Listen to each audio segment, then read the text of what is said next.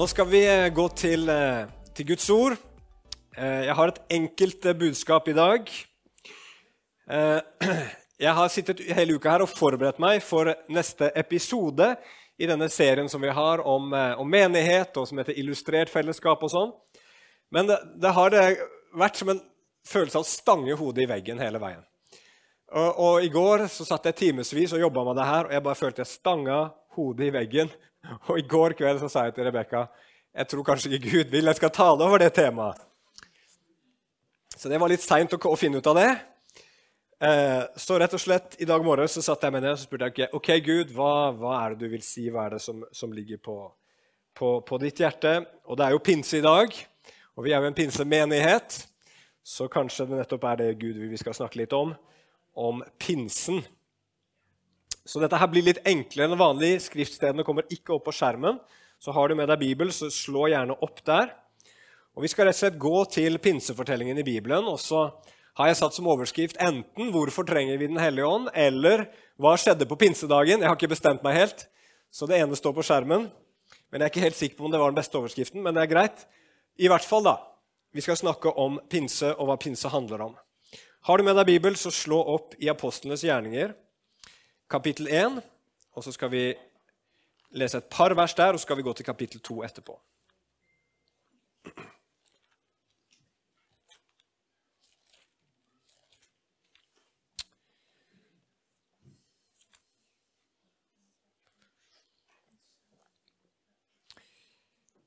Så når vi kommer til Apostlenes gjerninger kapittel 1, og så skal vi lese fra vers 7, der forteller Jesus disiplene, som har opplevd at han har dødd på korset, og at han har stått opp igjen, at de skal vente i Jerusalem, og så skal de få et løfte fra noe som Gud har lovt. De skal bli døpt i Den hellige ånd. Og så begynner de å lure på om, eh, om det er på den tiden at Jesus skal komme tilbake igjen, og at det liksom riket for Israel skal bli opprettet, og alt dette her. Og så sier Jesus, vi kan lese fra vers 8, at det, det skal ikke de bry seg om. Men vers 8, dere skal få kraft når Den hellige ånd kommer over dere. Og dere skal være vitner om meg i Jerusalem, i hele Judea og Samaria og helt til jordens ende, sier Jesus. Så han sier at de skal få kraft. Og så er spørsmålet hvordan fikk de første kristne, hvordan fikk disiplene kraft? Jo, da går vi til kapittel 2 og vers 1. Der står det Da pinsedagen var kommet, var de alle samlet på samme sted med samstemt, samstemt sinn. Og plutselig kom det en lyd fra himmelen som av en stormende, mektig vind, og den fylte hele huset der de satt. Så viste det seg delte tunger for dem, som av ild, og de satte seg på hver enkelt av dem. Og de ble alle fylt med Den hellige ånd og begynte å tale i andre tunger, alt ettersom ånden ga dem å tale. Og Så fortelles det videre at eh, etter at de hadde fått denne gaven til å tale språk de selv ikke kunne, så går de ut på gatene, og der er det mennesker fra alle jordens hjørner, og de hører dem prate. Vers 7. Da ble de forskrekket, undret seg og sa til hverandre.: Se, er ikke alle disse som taler, galileere? Og hvordan kan det ha seg at vi hører, enhver av oss på vårt eget språk, det som vi ble født inn i? Og så nevnes det mange nasjonaliteter, mange land de kommer fra. Og så skjønner de alle sammen språket som de taler. Så disse disiplene fra Galilea som ikke kunne snakke annet enn sitt lokale språk, når de blir fylt av Den hellige ånd, så går de ut og så taler de i andre språk som mennesker fra andre steder i verden kan forstå. Hva er det som skjer her? Hva er det som gjør at disse disiplene går fra å være feige og redde, bortgjemt inne på et, eh, en sal hvor de hadde låst døra, til å gå ut og tale språk de ikke selv kan, og være frimodige og fortelle andre om Jesus? Eh, på tross av all den faren som det innebar for dem. Fordi at Jesus hadde blitt korsfesta, blitt drept, og de var redd det samme skulle skje med dem. Så det jeg har lyst til å si bare litt om i dag, det er at Den hellige ånd gjør tre ting. Den hellige ånd gjør troen vår virkelig. Den hellige ånd gjør troen personlig. Og Den hellige ånd gjør troen overnaturlig. Skal vi be. Gud i himmelen, Herre, må du hjelpe meg nå å formidle disse enkle sannhetene til alle som sitter her i dag. Takk at vi kan feire pinse i dag. Takk at vi kan feire det miraklet det er at du ved din ånd kom til jorda for å ta bolig i våre hjerter og forandre våre liv. Og Herre, må du bare gi meg nåde og, og, og, og visdom, Gud, til å formidle dette på en god måte. I Jesu navn. Halleluja. Ok, så på pinsedagen så kan du ikke se alt som skjer. Men noe skjer bak kulissene som vi kan se fra andre steder i Bibelen. Og Det første som skjer med disse disiplene som sitter der redde, innelåste på et rom, ute av stand, for de var, så, de, var så, de var så skremt av alt som hadde skjedd med Jesus, til å gjøre det Jesus hadde bedt dem om, nemlig å gå ut og forkynne om ham til alle jordens nasjoner. Hva var det som skjedde med dem? Jo, det som skjedde med dem, det var at Den hellige ånd gjorde det de trodde på. Jesus sin død, Jesus sin oppstandelse, Den hellige ånd gjorde det virkelig. Og I Johannes evangelium kapittel 16 så snakker Jesus om hva Den hellige ånd skal gjøre når han kommer til jorda. Vi skal lese fra vers 7.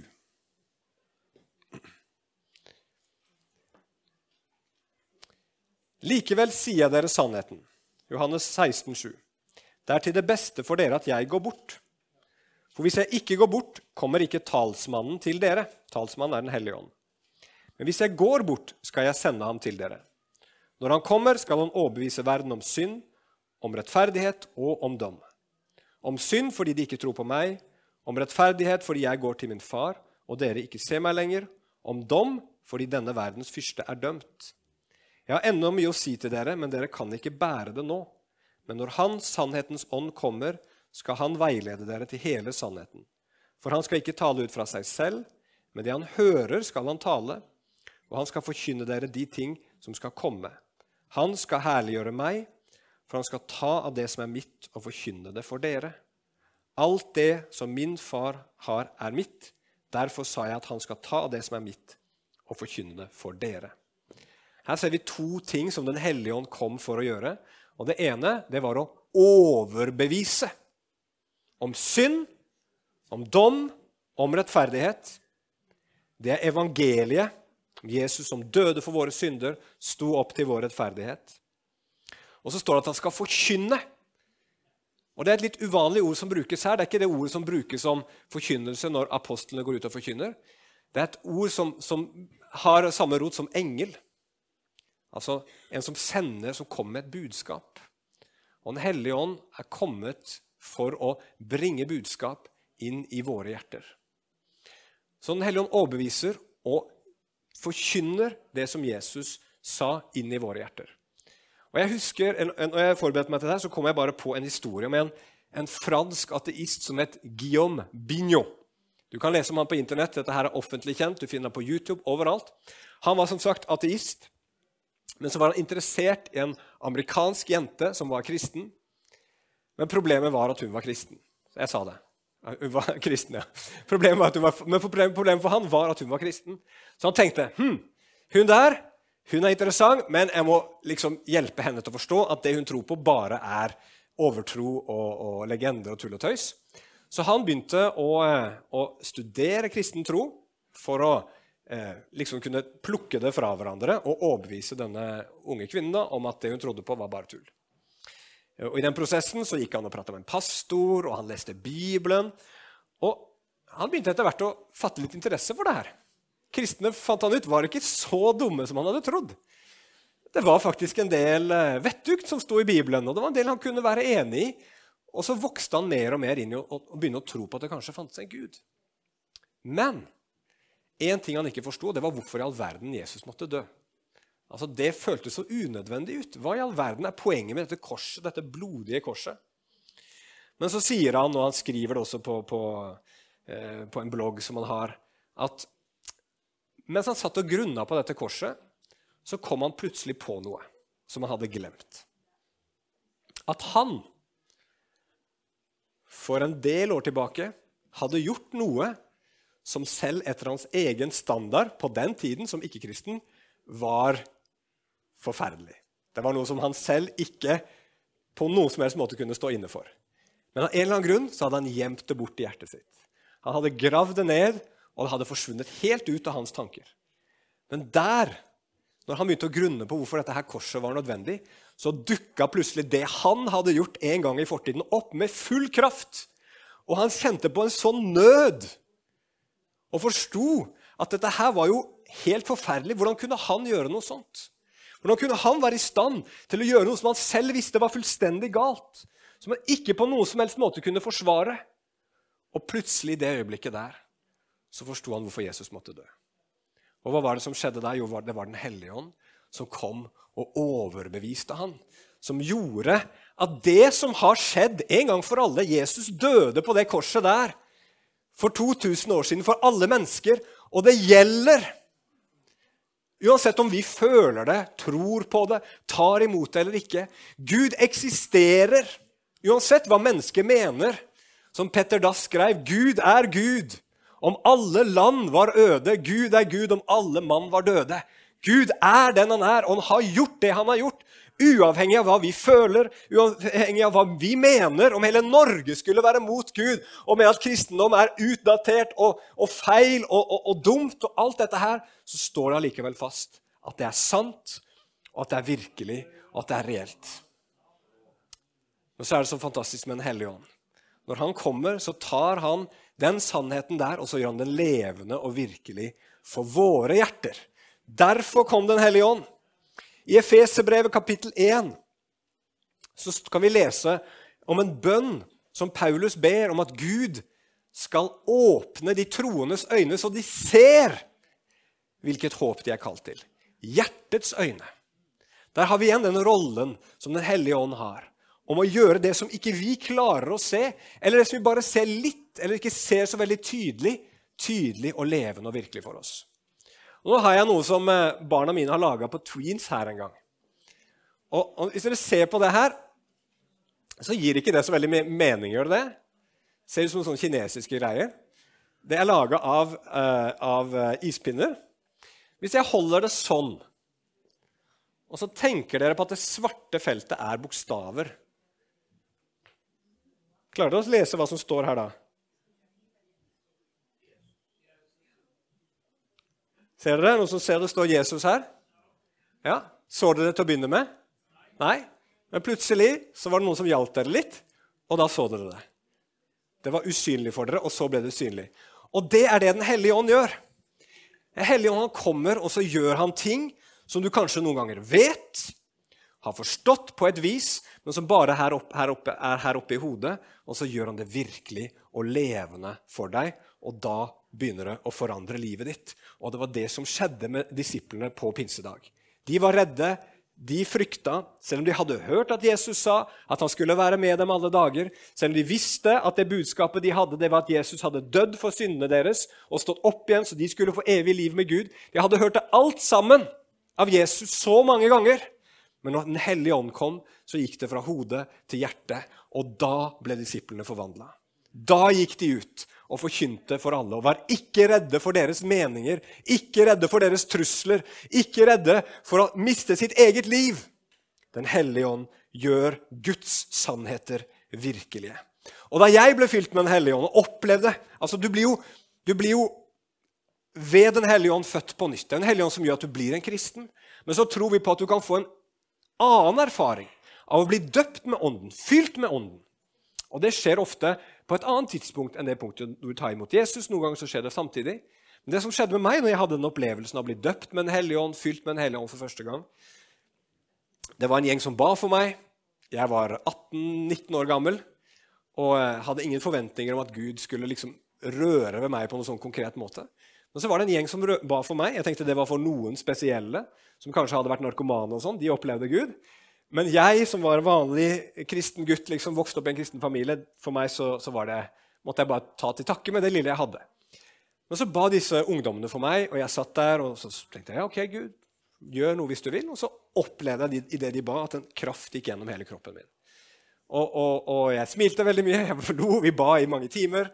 Jeg opplevde å få den gaven som vi kaller for tungetale. Men det som slo meg mest, det som liksom runga og ga gjenklang i hjertet mitt, det var én setning. Gud er virkelig. Gud er virkelig. Og når jeg etter den sommeren hvor jeg opplevde det her, kom hjem til min skole, eh, og da jeg, skulle jeg begynne i tredje klasse på videregående, så hadde jeg plutselig en helt annen frimodighet i forhold til det å fortelle de andre at jeg var en kristen. Gud er virkelig, og han vil at du skal erfare at han er virkelig. Men det som er fantastisk med Den hellige ånd, er at han ikke bare gjør det virkelig, men han gjør det personlig. Hvis vi går f.eks. til Romerbrevet 5.5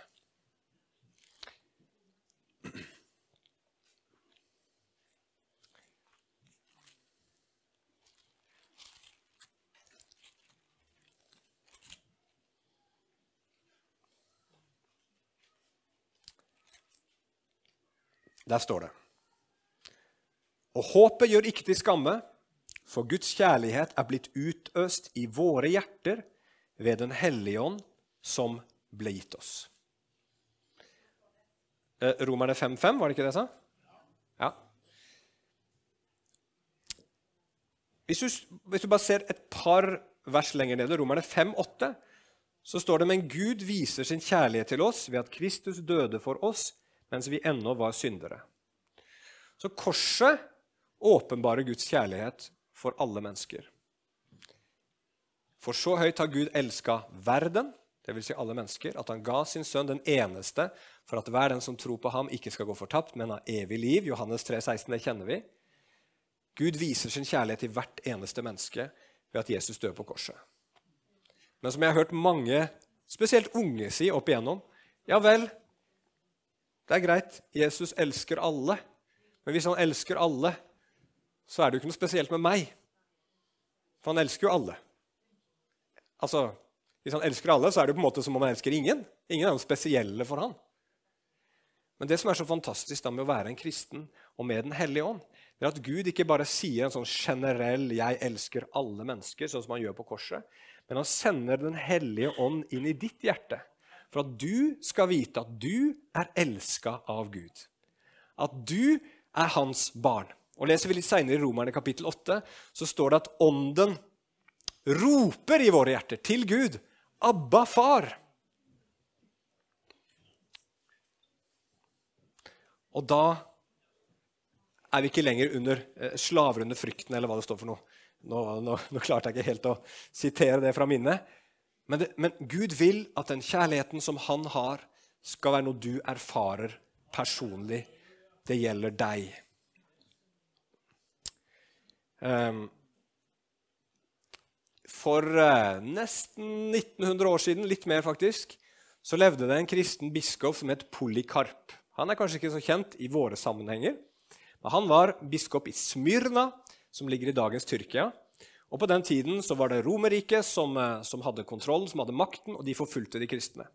Og Polykarp han blir ført til Roma, og der blir han eh, eh ført framfor keiseren. Polykarp var en viktig kristen, kjent kristen. Han blir ført framfor keiseren, og keiseren har eh, løver som står klare for å spise han opp. Han truer også med at han skal brenne han levende og ta livet av han, drepe han på de mest grusomme forferdelige måter. Og Så sier keiseren til ham så nå, Polikarp, nå har du valget. Enten så forbanner du Jesus, eller så blir det løver og bålet på deg. Og da sier Polikarp at Gud, han har vært god mot meg gjennom hele livet mitt. Og jeg kommer aldri til å fornekte han. Han har aldri svikta meg, han har aldri forlatt meg. Og du kan gjøre hva du vil. Han sier faktisk, 'Hva venter du på? Tenn opp bålet! Slipp løs løvene dine, for jeg kommer aldri til å forbanne min frelser.' Polycarp hadde skjønt at den Jesus som døde og sto opp igjen, elska han. Og da elska han Jesus tilbake og ga han absolutt alt tilbake. Den hellige ånd gjør oss villige til å leve for Jesus, men også til å dø for ham. For den kjærligheten er så personlig, den er så ekte, den er så levende. Det er en skatt. Det er noe helt vidunderlig ved det. Jeg hadde mange andre vers her også som jeg, skulle, tenkte jeg skulle tatt, men jeg tror ikke vi skal gjøre det. Den hellige ånd er virkelig, Den hellige ånd er personlig, eller den gjør troen personlig. Og Den hellige ånd gjør også den, eh, troen vår overnaturlig.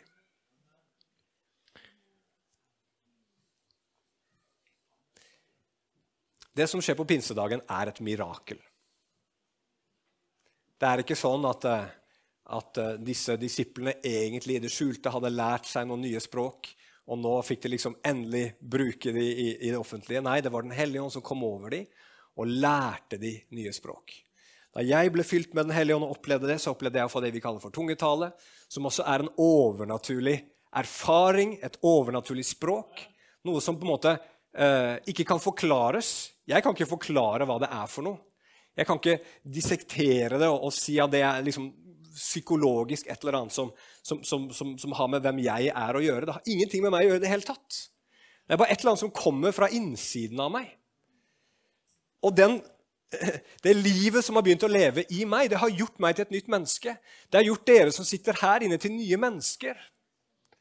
Og så opplever vi at den kraften som lever i oss, noen ganger kommer ut av oss. Sånn at det overnaturlige ting begynner å skje rundt oss.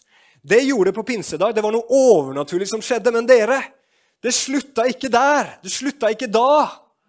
Hvis du leser gjennom apostlenes gjerning, så skjer det overnaturlige ting hele veien. Noen ganger så opplever de igjen å bli fylt med Den hellige ånd. Noen ganger så opplever de at mirakler skjer, lamme mennesker reiser seg, blinde for synet. Og det stopper ikke i den boka heller. Det fortsetter opp igjennom kirkehistorien at mirakler skjer der hvor mennesker blir fylt av Den hellige ånd. Fram til den dag i dag så skjer det mirakler. Gud gjør store og utrolige ting. Og hvorfor gjør han det? Jo, fordi han ønsker at Jesus skal bli gitt oppmerksomhet. Når mirakler skjer, så begynner mennesker å si 'Hva er det som skjer?' Hva er dette? Og så flokker de seg sammen, og så får de høre om Jesus. Det skjer i apostlenes gjerninger, og det skjer den dag i dag. Gud gjør mirakler. Hvis du leser f.eks. i 1. Korinterbrev kapittel 12, så kan du lese om gaver som Gud gir, kraftige virkninger som Gud ønsker å virke gjennom ditt og mitt liv. Men så er spørsmålet hvordan kan du og jeg få bli brukt av Gud. Hvordan kan Gud gjøre et mirakel i og gjennom mitt liv? Og det er svaret på det ganske enkelt i Bibelen, og samtidig litt komplisert. Vi skal lese fra 1. Korinterbrev, kapittel 3, for å svare på det spørsmålet.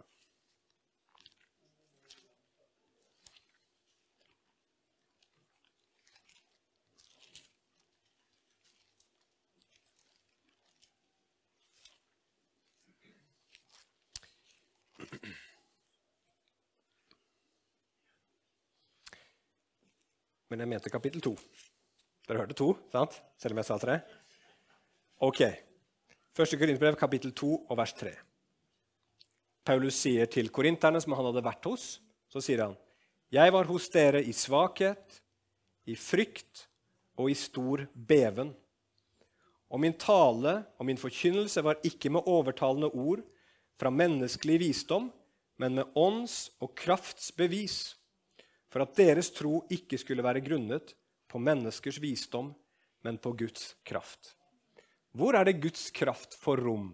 Hvor er det Guds kraft for virke? I hvem er det Guds kraft manifesterer seg? Jo, 2. Korinterbrev, kapittel 12, vers 9, gir oss et svar på det.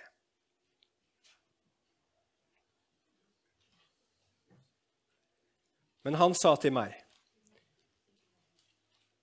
det er Gud som snakker til Paulus. Min nåde er nok for deg, for min kraft blir fullendt i svakhet. Derfor vil jeg mest av alt rose meg av mine svakheter, for at Kristi kraft kan ha rom hos meg. Derfor gleder jeg meg midt i svakheter, i mishandling, i nød, i forfølgelse og angst for Kristi skyld. For når jeg er svak, da er jeg sterk.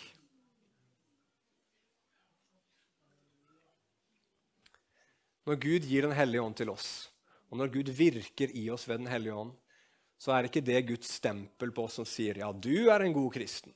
Du får det til. Du er sterk. Du lykkes. Du er god nok. Nei, når Gud gir Den hellige ånd til oss, så ser han at det er tomt. Det er da han har mulighet til å gi. Han ser at det er svakt. Han ser at vi ikke klarer det sjøl. Og når vi kommer til Gud og sier, 'Gud, jeg får ikke dette livet til selv', Gud, jeg er ikke sterk nok i meg selv. Gud, jeg lykkes ikke på egen hånd. Jeg får ikke dette til. Gud, dette blir for vanskelig for meg. Dette er for stort for meg. Dette livet her, det mestrer jeg ikke, Gud. Når vi kommer til Gud i den situasjonen, med det hjertelaget, da er det plutselig rom for Gud å fylle. Med en gang vi er der hvor vi tenker 'nå får jeg det til', jeg er sterk, jeg er god, jeg er flink, jeg skal klare dette, så tettes det i hjertene våre. Og så er det ikke rom for Gud. Derfor er det sånn for oss i denne delen av verden, hvor vi har rimelig god kontroll på livene våre, og hverdagen er relativt enkelt, at det lett kan bli sånn at vi lever den illusjonen at her klarer vi oss sjøl. Gud, det er fint hvis du kommer og dukker opp, men eh, det går bra. Men med en gang det der forsvinner, med en gang vi kjenner på vår egen svakhet, da er det rom for Gud. Og Jeg har bare lyst til å utfordre enhver som er her i dag, med å si rett og slett dette her. Du og jeg, vi trenger mer av Den hellige ånd. Vi trenger den kraften som gjør troen vår virkelig, som gjør det personlig, og som gjør det overnaturlig. Dette er veldig enkelt. Dette er ikke noe komplisert i det hele tatt. Jeg er dårlig forberedt for denne talen. Jeg føler meg svak, jeg føler meg liten, jeg føler at jeg, jeg holder ikke mål. Men Gud er her. Og hvis du er her i dag og sier OK, jeg trenger mer av denne hellige ånd også. Jeg vil at Den hellige ånd skal fylle mitt liv. Jeg vil at Den hellige ånd skal forandre meg. Jeg vil oppleve noe av denne kraften. Jeg vil ta et steg til, og at Gud skal få mer plass i mitt liv. Så er Gud her nå på denne pinsedagen 2023 for å røre ved ditt liv.